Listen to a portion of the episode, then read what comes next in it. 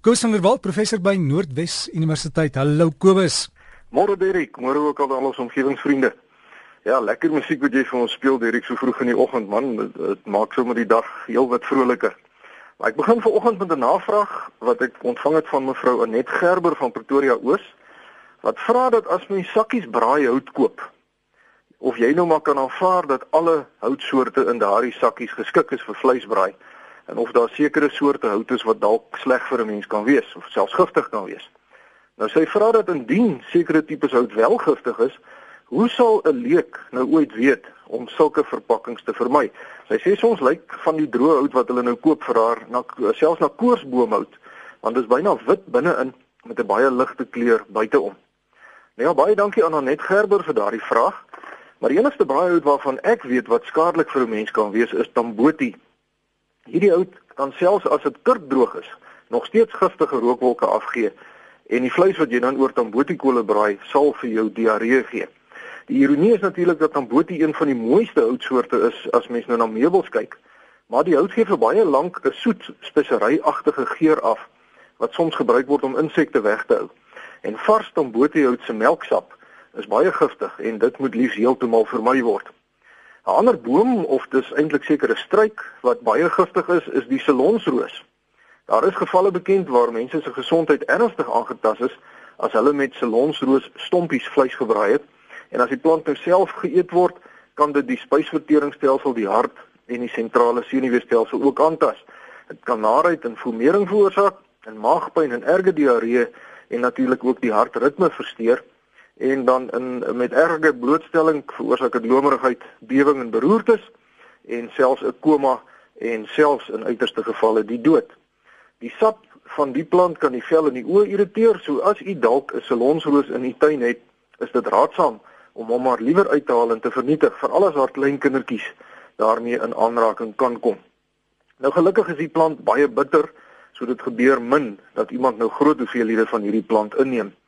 Ek het vir prof Sarel Silje, die hoof van plantkunde hier by die Pik ook gevra oor die gesondheid van verskillende soorte braaihout en hy sê 'n mens kan eintlik maar as 'n reël alle houtsoorte vermy wat 'n melksap produseer. Nou as ons omgewingsvriende van ander soorte hout weet wat ook nie geskik is vir vleisbraai nie, laat weet my asseblief daarvan.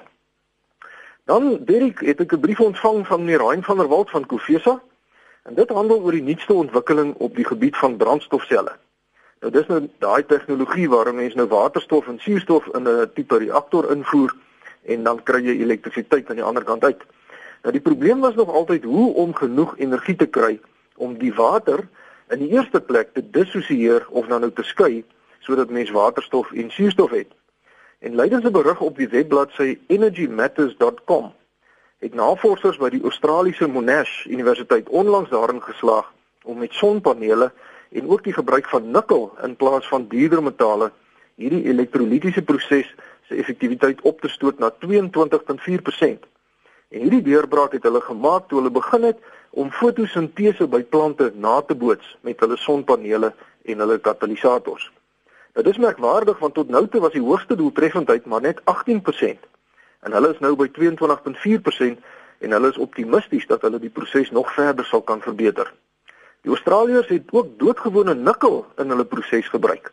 En omdat nikkel 'n volop en relatief bekostigbare metaal is, is die navorsing natuurlik uitstekende nuus vir die omgewing, want met die elektrolitiese proses word elektrisiteit sonder enige koolstofvoetspoor opgewek. Uh die die die sonte energie te gebruik om nou vir ons waterstof en suurstof te vervaardig. En dit is natuurlik ook baie goeie nuus vir ons plaaslike mynbedryf. Nou iets wat hiermee verband hou, is 'n berig wat ek raak gelees het in die nuutste Popular Mechanics oor 'n nuwe tipe battery wat vir selfone ontwerp is wat niks anders as 'n brandstofsel is nie. Dis 'n herlaaibare brandstofsel wat dan waterstof gebruik om die elektrisiteit vir selfone te verskaf en hierdie battery hou 'n volle week lank voordat dit nodig is om hom te herlaai. Nou weet ek dis baie goeie nuus vir my want sedert ek so 6 weke gelede op Facebook aktief begin raak het, hou my selfoon se battery skaars 'n dag. So ek sal maar vir my mettertyd so een moet aanskaf. Maar so gepraat van biologies geïnspireerde ingenieurswese. Soos die Australiërs nou fotosintese begin naboots het, 'n natuurlike proses en toe 'n baie verhoogde effektiwiteit bereik het. Uh dis biologies geïnspireerde ingenieurswese. 'n Span navorsers van die Harvard Universiteit en ook die Universiteit van Seoul. Ek hoor iemand het vir my geskryf mens moet sê Seoul. Ek het altyd gedink dis Seoul in Korea. Maar goed, kom ons sê dan nou maar Seoul. Die manne het piep klein robotte gebou wat daardie goggetjies wat ons altyd op dammetjies of poeltjies sien rondhardloop bo op die water kan naboots. Ek het die video daarvan op omgewingspraatjies se Facebook bladsy gesit. So kyk gerus daarna. Dis ongelooflik wat die mense deesdae alles kan regkry. Daai klein robotjies wat hulle gebou het, kan selfs en te spring deur die lug en dit van doodgewone wateroppervlak af. Nou terug na die onderwerp van energie. Ek sien dat die Suid-Afrikaanse Omgewingsobservasienetwerk van die Nasionale Navorsingsstigting aangekondig het dat hulle eersdaags met navorsing gaan begin wat bekend sal staan as die Karoo Skaliegas Ekologie Projek. Nou ons weet almal dat die moontlikheid dat hidrobreking en skaliegasontginning in die Karoo vroeër of later sal voortgaan baie groot is. En die potensiële invloede op die omgewing het baie mense se nekhare behoorlik laat rys en gelei tot die ontstaan van drukgroepe soos byvoorbeeld die Treasure Karoo Action Group.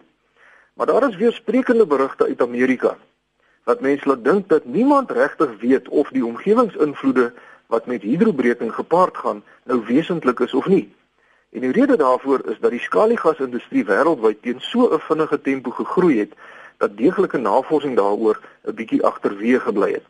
En dit het natuurlik nou weer tot gevolg gehad dat die wetlike raamwerke waarbinne hidrobreking bedryf sal moet word deur baie mense as gebrekkig beskou word.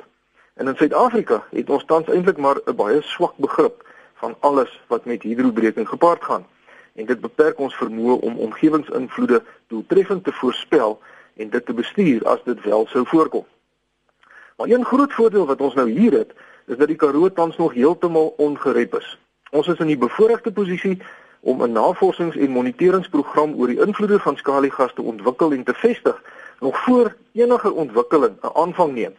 En dis baie goeie nuus dat die Suid-Afrikaanse Omgewingsobservasienetwerk nou hierdie projek gaan aanpak. Die tydsberekening is ideaal omdat die strategiese omgewingsassessering vir skaliegas in die Karoo tans uitgevoer word en die nuwe navorsing kan nou uitstekend daarbey inskakel. En dis alsoos en wel, maar ek verstaan nog nie mooi waarom ons leiers enigstens wil voortgaan met hidrobreking in die Karoo nie. Ons land het bewese gasreserwes aan die Weskus en die tegnologie om hierdie gas uit die see te ontgin en te raffineer is dekades gelede reeds by Mosgas ontwikkel en in bedryf gestel. En verder aan die ooste kant sit ons buurland Mosambiek met die vierde grootste gasreserwe in die wêreld. En ons voer reeds van daardie gas in deur 'n pyplyn wat gas verskaf aan die industrie in Sasolburg. Nou as ons meer van Mosambiek se gas kan koop, kan dit hulle sukkelende ekonomie baie help terwyl ons terselfdertyd 'n uitstekende langtermynbron van energie sal bekom. En dit kan natuurlik die hele Suider-Afrika 'n baie beter plek maak vir al sy mense.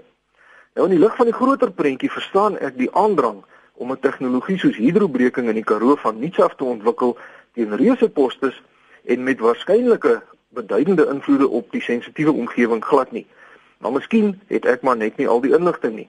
En nou my versoek vanoggend, as een van ons omgewingsvriende meer insaag het in die groot prentjie, in die denkprosesse van die besluitnemers, laat weet my tog asseblief daarvan, want ek sal ook graag wil weet wat presies hier aan die gang is. En daarmee omgewingsvriende is my tydjie vir oggend om. U is welkom om vir my te skryf. My rekenaaradres is kobus.vanderwalt@nwu.ac.za of u kan bloot die Facebook bladsy van Omgewingspraatjies besoek. En dan vir van ons ouer uh, luisteraars, as u vir my 'n gewone brief wil skryf, ek is by die fakulteit Natuurwetenskappe, Noordwes Universiteit, Potchefstroom 2520. Vriendelike groete, tot 'n volgende keer. So gesels Kobus van der Walt Noordwes Universiteit. Onthou op Facebook baie mense vra waar kry ons dit? Jy gaan soek maar net vir omgewingspraatjies, die meer vir die groep. Jy kan jy aansluit en dan kan jy al die inligting ook daar kry.